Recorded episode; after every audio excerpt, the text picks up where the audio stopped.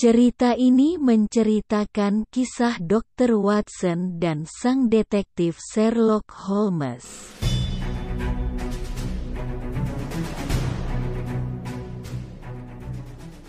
Petualangan Generasi Kedua Bagian 1 Tanpa mempedulikan sukses besarku dalam praktek medis akhir-akhir ini, Aku merasakan kehilangan yang amat besar beberapa tahun terakhir ini.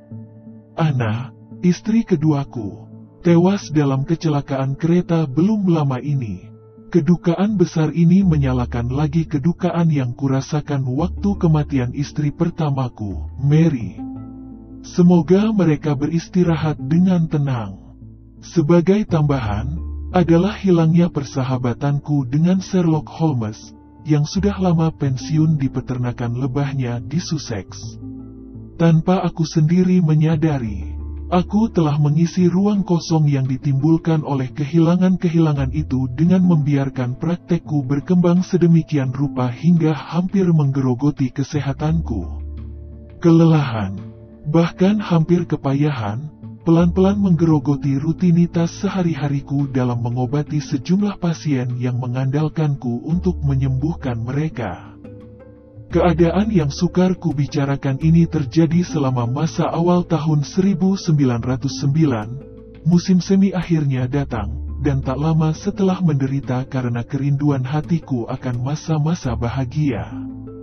Aku menerima pesan dari Holmes yang memohon padaku untuk meninggalkan praktek selama beberapa minggu dan mengunjunginya sementara waktu.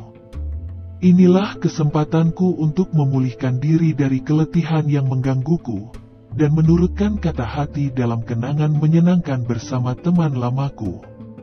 Tanpa ragu-ragu, Aku memberitahu sekretarisku untuk mengirim pemberitahuan pada semua pasienku bahwa aku akan pergi selama dua minggu. Aku melirik pesan itu lagi.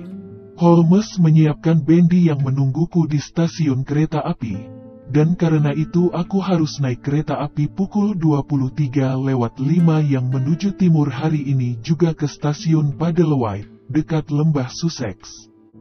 Aku tertawa, karena Holmes, temanku tersayang Holmes, masih belum kehilangan sifatnya yang sangat pongah. Berulang kali, bukan hanya dalam sedikit kesempatan. Keironisan pensiun Holmes ke peternakan lebah di Sussex menderaku dengan semangat tak kenal henti. Semangat yang membuatku terombang-ambing antara kebingungan akan perubahan sifatnya yang tampaknya total dan keinginan aneh untuk tertawa dari dalam hati karena perubahan sifat yang sepertinya tak. Mungkin itu, aku telah tahu, di masa lalu, dengan pasti menggambarkan ketidaksenangan Holmes pada kehidupan desa bahkan meningkat pada keengganan untuk menghabiskan waktu berlibur sesingkat apa pun di tempat peristirahatan tepi pantai. Kunjungan ke desa atau tepi pantai dapat diterima oleh temanku itu hanya bila berhubungan dengan kegemparan yang disebabkan oleh intrik langka. Karena itu, metamorfosis Holmes menjadi seorang pria desa yang tertarik untuk mengejar kompleksitas alam, daripada kompleksitas sesama manusia. Terus-menerus membuatku bertanya-tanya seberapa tepat observasiku terhadap keanehan mentalnya. Renungan ini kuhentikan sementara untuk menyiapkan liburanku dengan Holmes. Aku segera mendapatkan diriku turun dari kereta dan cepat-cepat naik ke bendi yang telah dibawa oleh pelayan pria Holmes ke stasiun khusus untukku. Tidak lama kemudian kami bergerak perlahan menyusuri jalanan berkelok-kelok yang tepinya ditumbuhi tanaman lebat, segera tiba di depan rumah sederhana teman tersayangku, di mana, dengan gembira, aku melangkah ke pintu dan mengetuknya. Sejenak kemudian pintu itu terbuka dan itulah dia, sebuah senyuman menghiasi wajahnya, pipa favoritnya erat terjepit di antara bibirnya. Temanku yang paling lama dan paling kusayangi, Sherlock Holmes. Watson, temanku tersayang, sungguh suatu kehormatan kau mau menerima undanganku. Dalam gerakan aneh, bahkan bagi Holmes, Ia meletakkan lengannya di pundakku dan mengantarkanku masuk ke rumahnya. Kuperhatikan ia tampak lebih tua dari saat terakhir aku melihatnya, tapi waktu ia berbicara padaku, aku menyadari. Dari ketajaman suaranya dan cahaya di matanya, bahwa ia tak akan pernah benar-benar menjadi tua. Rumahku sekarang adalah rumahmu, Watson, selama kau tinggal di sini. Dan bahkan tentu saja, kapan saja kau ingin berkunjung. Tapi kau harus bersantai, temanku, dan melupakan bebanmu. Kau telah memaksa dirimu terlalu keras. Bagaimana kau bisa tahu itu, Holmes, seruku. Selalu terheran-heran oleh observasinya yang tepat. Kapan kau pernah memasukkan stetoskopmu ke dalam kantong mantelmu yang sekarang dapat kulihat menonjol keluar? Kau selalu meletakkannya dalam topimu meskipun sedang tergesa-gesa. Dan kau adalah salah satu orang yang paling rapi yang pernah ku kenal. Namun kemejamu menunjukkan tanda-tanda bekas bahan kimia dan kerahmu berkerut. Menunjukkan bahwa kau telah memaksa dirimu bekerja sedemikian keras sehingga kau melupakan hal-hal yang selalu menunjukkan bahwa kau punya kebiasaan bersih. Tidak, Watson. Kau bukan dirimu akhir-akhir ini. Mari, duduklah dan lupakan kekhawatiranmu, karena kau sedang berlibur dan berliburlah engkau.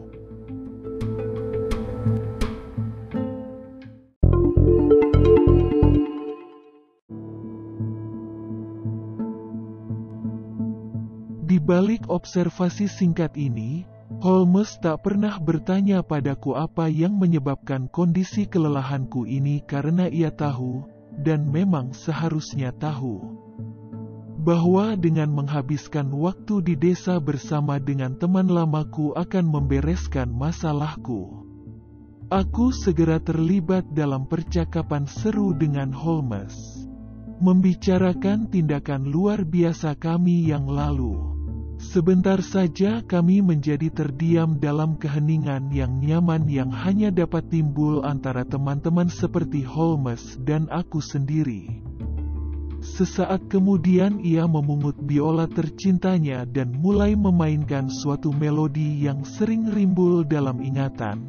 Jari-jarinya yang kurus membelai instrumen itu. Indah, cukup indah. Holmes, kataku sambil melakukan. Terima kasih, Watson, katanya, berhenti dan menatapku sejenak. Kau tampak sangat muram, sahabatku yang baik. Apakah kau masih memikirkan masa lalu? Ya, Holmes. Memang, kuakui aku juga begitu. Ya, waktu-waktu menegangkan itu, Watson, tapi menenangkan berpikir bahwa sekarang kita tidak akan diganggu oleh dering bel pintu. Sebentar kemudian diikuti oleh setan memelas yang terlibat kesulitan. Sekarang keteganganku yang paling besar berhubungan dengan pemisahan Ratu Lebah dan kegiatan malam Charles Augustus. Kucingku kami tertawa terbahak-bahak, suasana serius akan kenangan masa lalu mencair. Aku masih sukar menerima bahwa kau pensiun, Holmes. Pernahkah kau mempertimbangkan kembali berpraktek lagi? Oh, aku kadang-kadang mempertimbangkannya, dan kemudian menolak ide itu. Seseorang harus bekerja hanya hingga puncak kemampuannya. Aku sudah melewatinya. Omong kosong, kataku, heran karena sikapnya, kau sama tajamnya seperti dulu. Secara mental, mungkin. Tapi tidak secara fisik. Aku bisa melihat Holmes menutup diri waktu itu, saat pikirannya berpindah ke tempat lain. Aku tahu tanda-tanda ini, karena mereka adalah indikasi adanya kebosanan. Kebosanan yang sama yang di masa lalu, dengan tak terhindarkan membuatnya bergegas mencari alat suntik dengan cairan 7% yang dapat menenangkan. Walaupun Holmes sudah tidak mengandalkan bahan mengerikan itu untuk menenangkan diri, aku bertekad untuk mencegah rasa bosan yang menetap. Paling tidak selama aku berada di sini untuk berlibur. Aku belum menyebutkan pada Holmes bahwa aku bertemu seorang wanita muda yang amat mempesona di kereta api yang mengajakku berbicara. Pembicaraan inilah dikombinasikan dengan penarikan diri Holmes yang semakin tampak yang menggodaku untuk menyebutkan nona muda ini padanya. Holmes, maukah kau mempertimbangkan untuk menangani sebuah masalah kecil yang akan kuceritakan padamu? Bila masalah pribadi yang mempengaruhimu, Watson, kau tahu aku akan melakukan apa pun yang ku bisa. Ini bukan masalahku, Holmes. Ini masalah wanita muda menawan yang kutemui di kereta api. Dalam percakapan ia mengungkapkan bahwa kau sangat mengenal ibunya, dan Holmes menatapku, pandangan kebingungan tampak di wajahnya. Ibunya, aku sudah akan mengungkapkan segalanya yang diceritakan padaku, ketika tiba-tiba pintu diketuk. Masuk, jawab Holmes, terganggu oleh interupsi itu.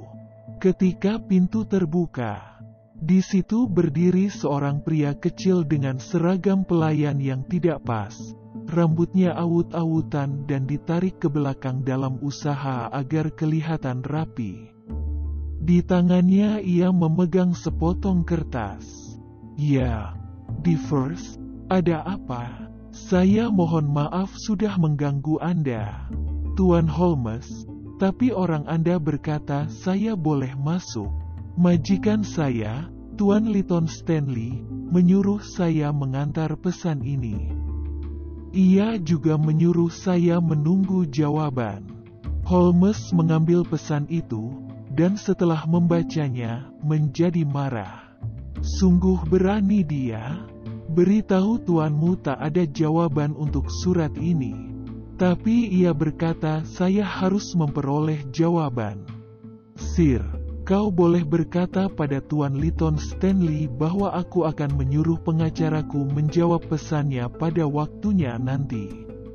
Terima kasih, Sir, jawab pria kecil itu yang segera pergi. Gelisah karena kata-kata penuh kemarahan dari temanku Holmes.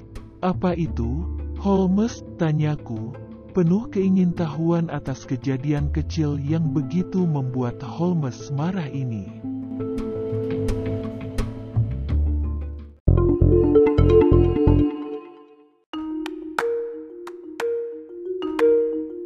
Bacalah sendiri, katanya, menyodorkan pesan itu padaku. Kuambil dan kubaca keras-keras. Jaga lebah-lebah menjijikkanmu di tempatnya. Salah satu tamuku tersengat kemarin. Bila ini terjadi lagi akan kusuruh polisi mengusirmu. Ya Tuhan, teriakku, sungguh surat yang menghina. Pria itu sendiri lebih dari menghina, balas Holmes.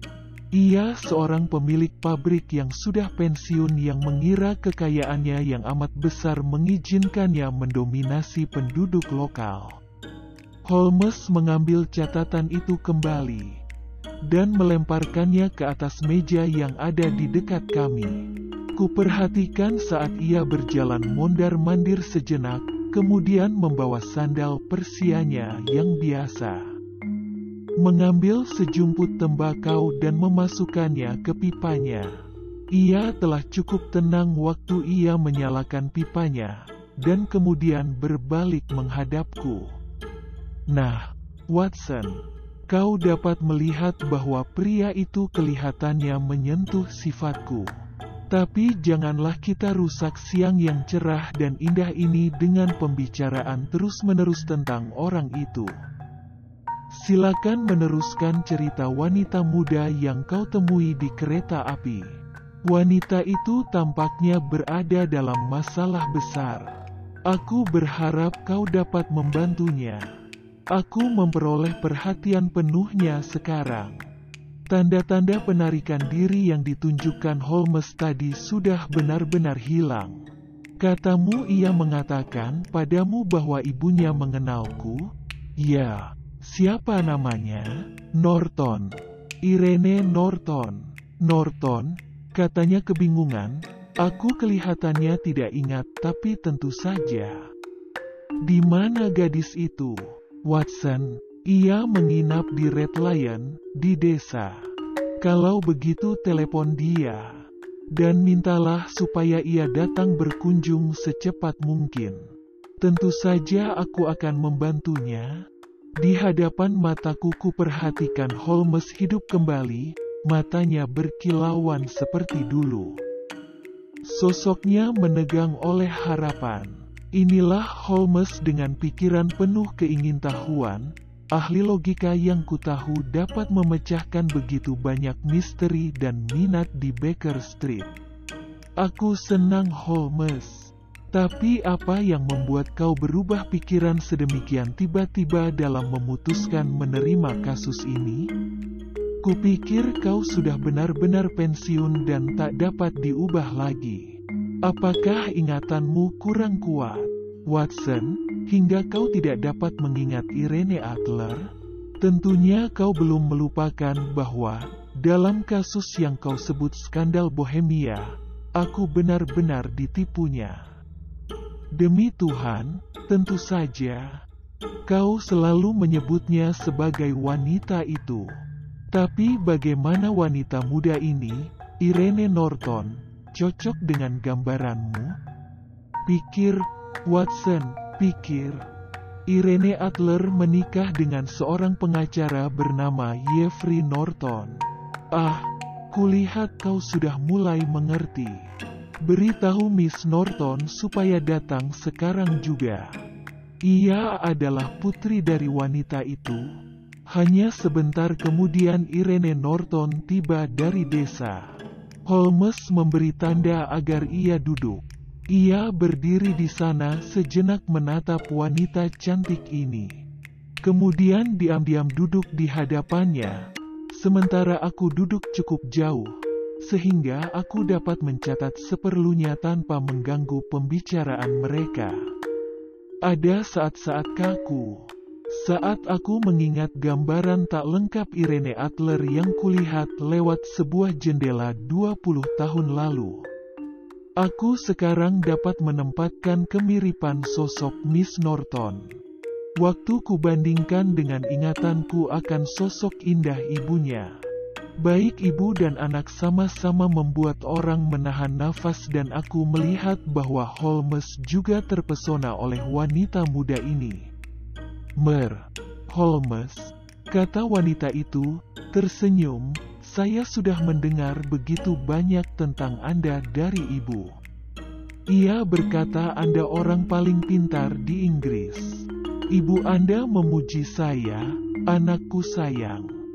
Apakah ia pernah bercerita dalam keadaan apa kami bertemu? Tidak, Mer, Holmes. Walaupun ia memberitahu saya bahwa Anda adalah saksi pernikahannya dengan ayah saya. Benar. Walaupun kejadian itu agak sedikit tak biasa. Holmes mencondongkan badan ke depan, menarik rantai jamnya keluar dan mengulurkannya ke arah Miss Norton. Mata uang emas yang saya pakai di rantai jam saya ini adalah kenang-kenangan akan hari itu. Saya juga punya foto ibu Anda yang cukup bagus. Maafkan saya karena memotong, aku angkat bicara. Tapi akan lebih bijaksana bila Anda memberitahu Tuan Holmes masalah-masalah Anda, Nona. Betul, Watson.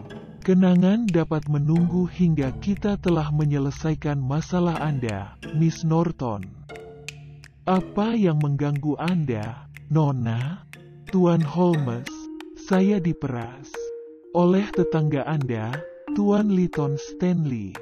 Kenalkah Anda padanya? Holmes dan aku saling memandang dan aku melihat seringai senang di wajahnya.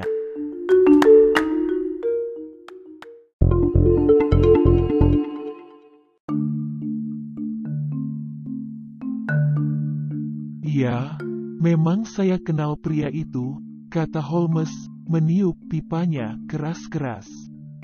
Kuasa apa yang dimiliki Tuan Liton Stanley atas diri Anda? Ia punya beberapa surat, lanjut wanita itu. Wajahnya agak memerah, beberapa surat saya yang agak tidak bijaksana yang kutulis untuk seorang temannya tahun lalu. Bagaimana ia bisa memperoleh surat-surat itu? Miss Norton, ia pasti mencurinya. Saya tak tahu bagaimana, tapi ketika saya tinggal di rumahnya beberapa minggu lalu, ia memberitahu saya bahwa ia mempunyai surat-surat itu dan meminta 5,000 pound sebagai imbalannya. Ini mengherankan, semburku, tapi Holmes memberi tanda padaku agar tetap diam untuk sementara. Dan mengapa, Miss Norton, ia menganggap surat-surat Anda bahkan yang tidak bijaksana, berharga demikian tinggi? Saya bertunangan dengan putra Lord Weston. Pria mengerikan itu, Liton Stanley. Tahu bahwa bila tunangan saya melihat surat-surat itu, pernikahan tak akan pernah terjadi. Apakah Anda sudah memberitahu ibu Anda? Tanya Holmes. Oh tidak, ia tak akan pernah mengerti. Hem, menurut saya ia akan mengejutkan Anda dalam hal itu, kata Holmes sambil bangkit berdiri dan bergerak untuk memandang keluar ke desa dari salah satu jendelanya. Dan ayah Anda, ayah seorang pengacara, ia hampir pasti tidak akan mengerti. Jadi Anda datang pada saya. Kenapa? Ibu sudah menceritakan kemampuan Anda, dan bagaimanapun, saya sudah membaca kisah-kisah Dr. Watson. Watson, celah Holmes, kisah-kisahmu akan membawaku ke masalah serius suatu hari nanti. Sekarang, Miss Norton, apa tepatnya yang Anda inginkan dari saya? Tolong, dapatkan surat-surat itu untuk saya. Tapi bagaimana, anakku sayang? Curi surat-surat itu, tentu saja. Aku duduk di situ. Kaget karena kata-kata wanita muda yang cantik ini, heran oleh pikiran bahwa ia akan menempatkan Holmes dalam kategori sebagai pencuri biasa. Serius, nona muda, kataku ingin tahu. Bagaimana Anda bisa berpikir bahwa teman saya, Holmes, memotongku? Tidak, Watson sayang, jangan kaget. Miss Norton adalah gadis yang terus terang seperti ibunya sebelum dia. Ini benar-benar menyegarkan. Tuan Holmes, Anda tidak boleh berkata Anda tidak akan membantu saya. Tidak, Holmes berkata, menoleh pada wanita muda yang putus asa ini. Saya rasa saya tidak bisa berkata demikian. Di sisi lain, saya punya masalah pribadi yang harus dibereskan dengan Tuan Liton Stanley sendiri. Ia orang kasar dan tak punya pengertian terhadap lebah. Dan bagaimana kau akan mencuri surat-surat itu? Tanyaku, kecewa oleh seluruh permasalahan ini. Masalah itu butuh sedikit pemikiran, balas Holmes. Aku bisa memberitahu bagaimana caranya, Mer. Holmes. Aku berbalik menghadap Miss Norton, sekali lagi heran karena kata-katanya. Holmes tersenyum, menerima semua ini dengan caranya yang khas. Kemudian bergerak untuk duduk kembali seperti sebelumnya. Serius sekarang, katanya sambil tertawa, ini menyenangkan, sayangku. Anda menjelaskan masalahnya dan juga cara memecahkannya. Betapa mudahnya pekerjaan detektif bila semua klien sama membantunya. Beritahu saya, apa rencana Anda? Besok adalah hari libur setengah hari bagi pembantu di rumah Tuan Liton Stanley. Ia akan sendirian di sana sepanjang siang. Bagaimana Anda tahu fakta itu? Tanya Holmes. Pembantu saya sedang pacaran, seperti istilah mereka. Dengan diversi kepala pelayan ketika saya tinggal di sana beberapa minggu lalu. Ia mengetahui semuanya dari dia. Surat-surat saya disimpan dalam kotak berornamen halus di mejanya. Dengan pengetahuan Anda, sayangku, Sela Holmes. Saya heran Anda tidak mencoba membuka meja itu sendiri. Saya sudah mencoba, katanya, tapi meja itu sangat kokoh dan punya kunci kombinasi. Bagaimanapun, saya yakin Anda dan dokter Watson dapat memikirkan suatu cara untuk memperoleh surat-surat itu. Terutama bila Tuan Liton Stanley sedang sendirian di rumah. Kami akan melakukan sebaik yang kami bisa. Miss Norton, adalah jawaban Holmes saat ia berdiri dan membungkuk pada wanita muda yang cerdik ini. Holmes meraih tangannya dan membimbingnya ke pintu. Aku berdiri dan mengikuti mereka. Miss Norton berbalik pada kami di pintu, raut gelisah tampak di wajahnya. Berjanjilah pada saya tentang satu hal, Anda berdua. Apa itu? Tanyaku ingin tahu. Jangan baca surat itu, ya. Saya. Saya benar-benar malu menuliskan semua itu. Tentu saja kami tak akan membacanya. Anakku sayang, tambahku dengan meyakinkan. Anda berdua begitu baik pada saya. Bagaimana saya bisa berterima kasih pada Anda? Ucapan terima kasih sedikit terlalu awal sekarang, kata Holmes. Tolong maafkan saya karena saya harus membutuhkan sedikit waktu untuk memikirkan masalah ini. Aku menganggukkan kepala tanda berpisah saat Holmes mengantar Miss Norton keluar. Ia berdiri di pintu sebentar, Sosok tingginya tak tergoyahkan saat ia mengawasi wanita muda itu berjalan dengan ringan sepanjang jalur taman. Ketika ia kembali dan kami berdua duduk dengan nyaman, ia mengeluarkan pipanya dan menyalakannya. Menarik, Watson. Wanita muda yang mempesona dan menarik. Kelihatannya sulit mencari cara merampok Tuan Liton Stanley. Ia tertawa, menghembus dengan keras ke arah pipanya. Ya Tuhan, tidak, Watson. Aku akan berkata itu hanya masalah separuh pipa. Sementara itu, marilah kita bersantai dan menikmati sore hari beberapa jam lagi. Ngem, kataku, sungguh keadaan yang tak biasa. Malam ini, kita bersantai. Dan besok, sebuah sentuhan perampokan di siang bolong.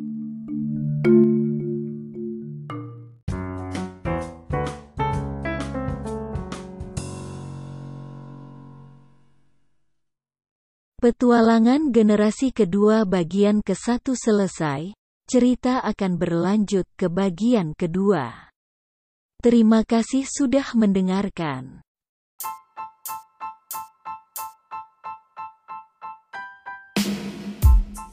Penasaran akan kelanjutannya dan episode-episode lainnya? Follow saluran podcast Cerdek dan nyalakan notifikasinya. Jangan lupa untuk di-share. Terima kasih.